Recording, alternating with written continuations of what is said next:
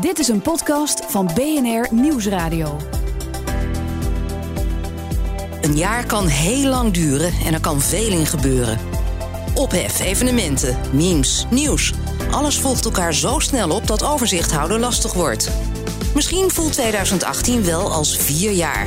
Aan het einde van het jaar kunnen er lijstjes gemaakt worden en glazen bollen afgestoft over wat er gaat komen. Bij het FD doen ze het net anders. Daar duiken ze de wereld in van het FD Eindejaarsmagazine. De wereld in 2019, waarin we terugkijken en leren van het afgelopen jaar en vol kennis het nieuwe jaar ingaan. De journalisten van het FD zijn in hun wereld van expertise gedoken om zo de belangrijkste ontwikkelingen in 2018 inzichtelijk te maken en een kijkje te nemen door het raam naar 2019. In deze De Wereld in podcastserie horen we de journalisten over hoe ze op hun verhaal kwamen. Waar werden ze door geprikkeld, geïntrigeerd en hoe verliep hun weg door de wereld in 2019? We leven in een wereld die steeds kleiner lijkt te worden. Waarbij we soms misschien uit het oog verliezen waarom we niet altijd zo dicht bij elkaar hebben willen zijn. De Brexit opent oude wonden waar we, als we niet eens zo heel ver terug hadden gekeken, best iets aan hadden kunnen doen. Zo stapte Han-Dirk Hekking, algemeen verslaggever Europa voor het FD, in een trein dit jaar en reed door het grenzeloos Europa. Waar hij vooral aan het vergelijken sloeg met zijn eerdere treinreis in de jaren 80. Want een lidmaatschap heeft wel een paar perks. En je ziet een heel duidelijk verschil tussen landen die in de EU zitten en landen die daar niet in zitten. Uh, om een goed voorbeeld te geven, als je zo'n reis maakt, dan zie je bijvoorbeeld uh, in Servië rijdt de trein uh, zeg maar, schommelend rijdt hij 50 km per uur tussen de Hongaarse grens en Belgrado. Er is sprake van een hoogsnelheidslijn, maar die zou ooit een keer dan gebouwd moeten worden door de Chinezen en niet door Europa. En de Chinezen doen dat om invloed te krijgen in, ja, op de Balkan. Zodra je de servicegrens weer overgaat richting Bulgarije, dan gaat die trein heel hard rijden. En dan rij je ook een heel stuk langs een uh, hele nagelnieuwe snelweg, waar allemaal vrachtwagens overheen rijden, is allemaal met Europees geld aangelegd. En Servië krijgt wel wat Europese steun omdat ze nou eenmaal kandidaat lidstaat zijn. Maar je ziet gewoon dat als je eenmaal toetreedt tot die Unie, dat dat een enorme welvaartsprong met zich mee kan brengen. Je ziet dat in Bulgarije gewoon gebeuren. Vroeger vonden Serviërs Bulgaren eigenlijk maar losers omdat ze maar heel weinig geld verdienden. En nu, langzaam maar zeker, zijn die Bulgaren zijn bezig met een inhaalrace. En het komt door het lidmaatschap van de EU. Zie, wat Han Dirk op zijn reis opvalt, is hoe snel de geschiedenis en oud zeer vergeten worden. Niet alleen in Oost-Europa, ook in het Verenigd Koninkrijk, waar de Brexit de boel weer op scherp zet. Daar is het interessante gewoon van dat iedereen eigenlijk dat eh, Goede Vrijdagakkoord eh, uit 1998, dus 20 jaar geleden, eigenlijk als een vaststaand gegeven heeft beschouwd. En dat de regelde, in feite eh, was dat, ja, dat is een vredesakkoord dat gewoon ook het samenleven van, van Ieren aan beide kanten van de grens moest regelen en, en einde moest maken aan het geweld.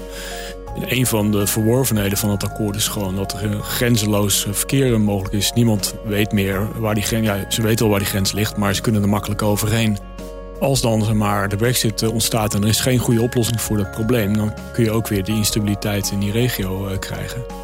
En het gekke is eigenlijk dat iedereen dat Goede Vrijdagakkoord gewoon ja, als een gegeven heeft beschouwd. En niemand heeft eigenlijk zich gerealiseerd dat ook dat akkoord en, en de vrede die daardoor is ontstaan ook ter discussie zou komen te staan. Wat zien we niet als we naar de Europese Unie kijken? Wat maakt een grens dan zo interessant? Ik, ik vond dat uh, grensgegeven interessant omdat uh, in Noord-Ierland, omdat iedereen dat kennelijk toch over het hoofd heeft gezien, zowel uh, in Londen als in Brussel. En uiteindelijk is de Ierse regering in staat gebleken om, om dit tot een heel belangrijk, eigenlijk het cruciale punt in onderhandelingen te maken. Dus waar komt de grens? En, en uiteindelijk, er zijn commentatoren in, in Ierland die zeggen van ja, eigenlijk interesseerde het Londen helemaal geen bied wat er daar in Noord-Ierland gebeurt. Er is sprake van een financiële transfer om dat land om in ieder geval Ulster of Noord-Ierland, om dat gewoon financieel overeind te houden. Om dat economisch een beetje ja, niet achterlijk te houden. Het klinkt onaardig, maar er is echt uh, miljarden moeten er elk jaar naartoe. Dus eigenlijk was er een, sprake van een soort politieke veronachtzaming. Nou, die is weer helemaal terug. Um, en dan ga je vervolgens de vraag stellen van ja, hebben wij eigenlijk nog veel meer van dat soort gebieden of dat soort conflicten die eigenlijk bevroren zijn uh, in Europa. Dus wat ik probeer een beetje af te tasten is in ieder geval gewoon aandacht te vragen of aandacht te vestigen op dat dit potentieel uh, in heel veel uh, ja, bilaterale, maar ook Europese kwesties, dat grensconflicten daar echt nog een grote rol kunnen spelen. En je ziet dat gebeuren in. Hè, er is nog steeds maar een probleem tussen Kroatië en Slovenië, die allebei lid zijn van de EU. De, Brussel dacht dat ze die kwestie hadden opgelost. Uiteindelijk bleek dat toch niet zo te zijn. Nu is Kroatië lid van de EU en Slovenië maakt zijn buurman het leven zuur door bijvoorbeeld te blokkeren dat Kroatië toetreedt tot het Schengengebied. Dat wilden de Kroaten heel erg graag voor hun toeristische industrie, zodat wij allemaal eh, moeiteloos maar, uh, met onze caravan naar Kroatië kunnen rijden in de zomer. Maar zolang zij geen onderdeel zijn van het Schengengebied, kan dat niet. Nou, die twee landen die verzieken het al voor elkaar. En dat potentieel heeft dat natuurlijk ook gewoon gevolgen voor uh, de efficiëntie en ook ja, de efficiëntie van de besluitvorming in Brussel. Nu is het rondreizen door Europa voor je werk al mooi meegenomen. De inzichten over Europa die je daarmee verwerft zijn wellicht nog mooier. Nee, ik denk dat Europa wat dat betreft uh, een heel efficiënte compromisfabriek is. Laatst uh, hadden we een interview met Ian Kershaw, die Britse historicus. Die vergeleek het met, ik noem het maar even in mijn eigen woorden, een soort Wallace Gromit fabriek. waarin allerlei van die radertjes draaien. En uiteindelijk wordt veel getrild, veel stoom komt eruit. En uiteindelijk komt er een pakketje uit of een, een product. En ja, dat is dan zeg maar, het compromis, het besluit. En daar zijn we heel erg goed in geworden in, uh, in Europa. Zelfs met ja, 28 lidstaten. Tegelijkertijd uh, is diezelfde fabriek... Uh, ja, bij Walls Gromit gaan die fabriek, gaat die fabriek ook altijd kapot op zeker moment. omdat de knop vast blijft zitten of whatsoever. Nou ja, dit soort historische geschilpunten die helpen niet bij het voorkomen van dat soort problemen. Ik zeg niet dat het leidt tot escalatie van problemen... maar tegelijkertijd kun je ook veronderstellen dat ja, als je een gegeven moment samen uh, een soort blanco lijst hebt van problemen. Dus met andere woorden, je problemen bilateraal zijn opgelost. Dat je dan ook op een eerlijker en transparantere en ook gewoon uh, fairere manier met elkaar zaken doet. In plaats van dat je historische wrok mee laat spelen bij de afweging van wat je moet doen. Onze achtertuin is een stuk groter geworden met Schengen. Maar we weten bijzonder weinig van de buren. Kun je dan nog zeggen, not in my backyard?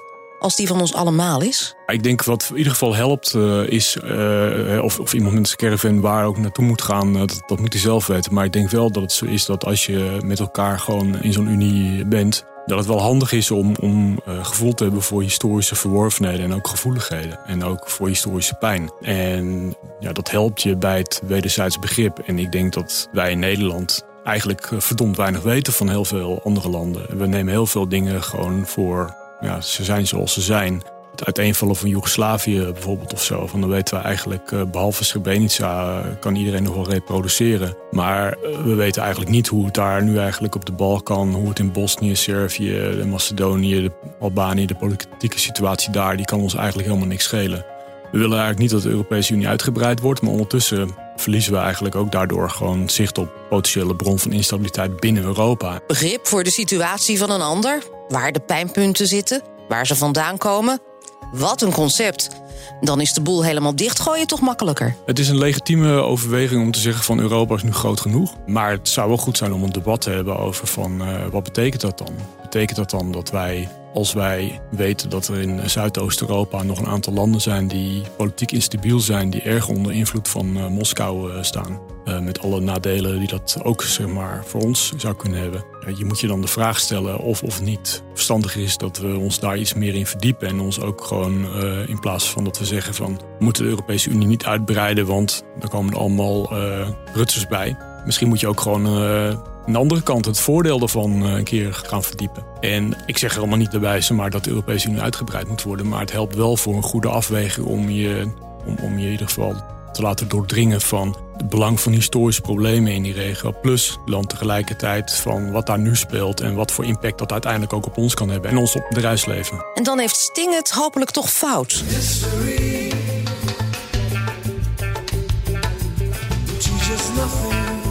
Het hele verhaal over oude grenzen vervagen niet van Han-Dirk Hekking is te lezen in het FD-magazine De Wereld in 2019. De wereld is een van de thema's in het magazine, want ze blijft groot, hoe dichtbij alles opeens ook lijkt. Met aan de ene kant Trump, de andere Poetin. China, dat zich overal beweegt, en Afrika, waar alles leeft. Wil je meer weten over hoe de journalisten en experts op hun verhaal komen? Luister dan een van de andere afleveringen in deze podcastserie via bnr.nl slash dwi19 of in je favoriete podcast-app. Echt alle verhalen, inzichten en achtergronden die je nodig hebt in het nieuwe jaar zijn vanaf 8 december te lezen in het FD-magazine De Wereld in 2019. Meer informatie vind je op fd.nl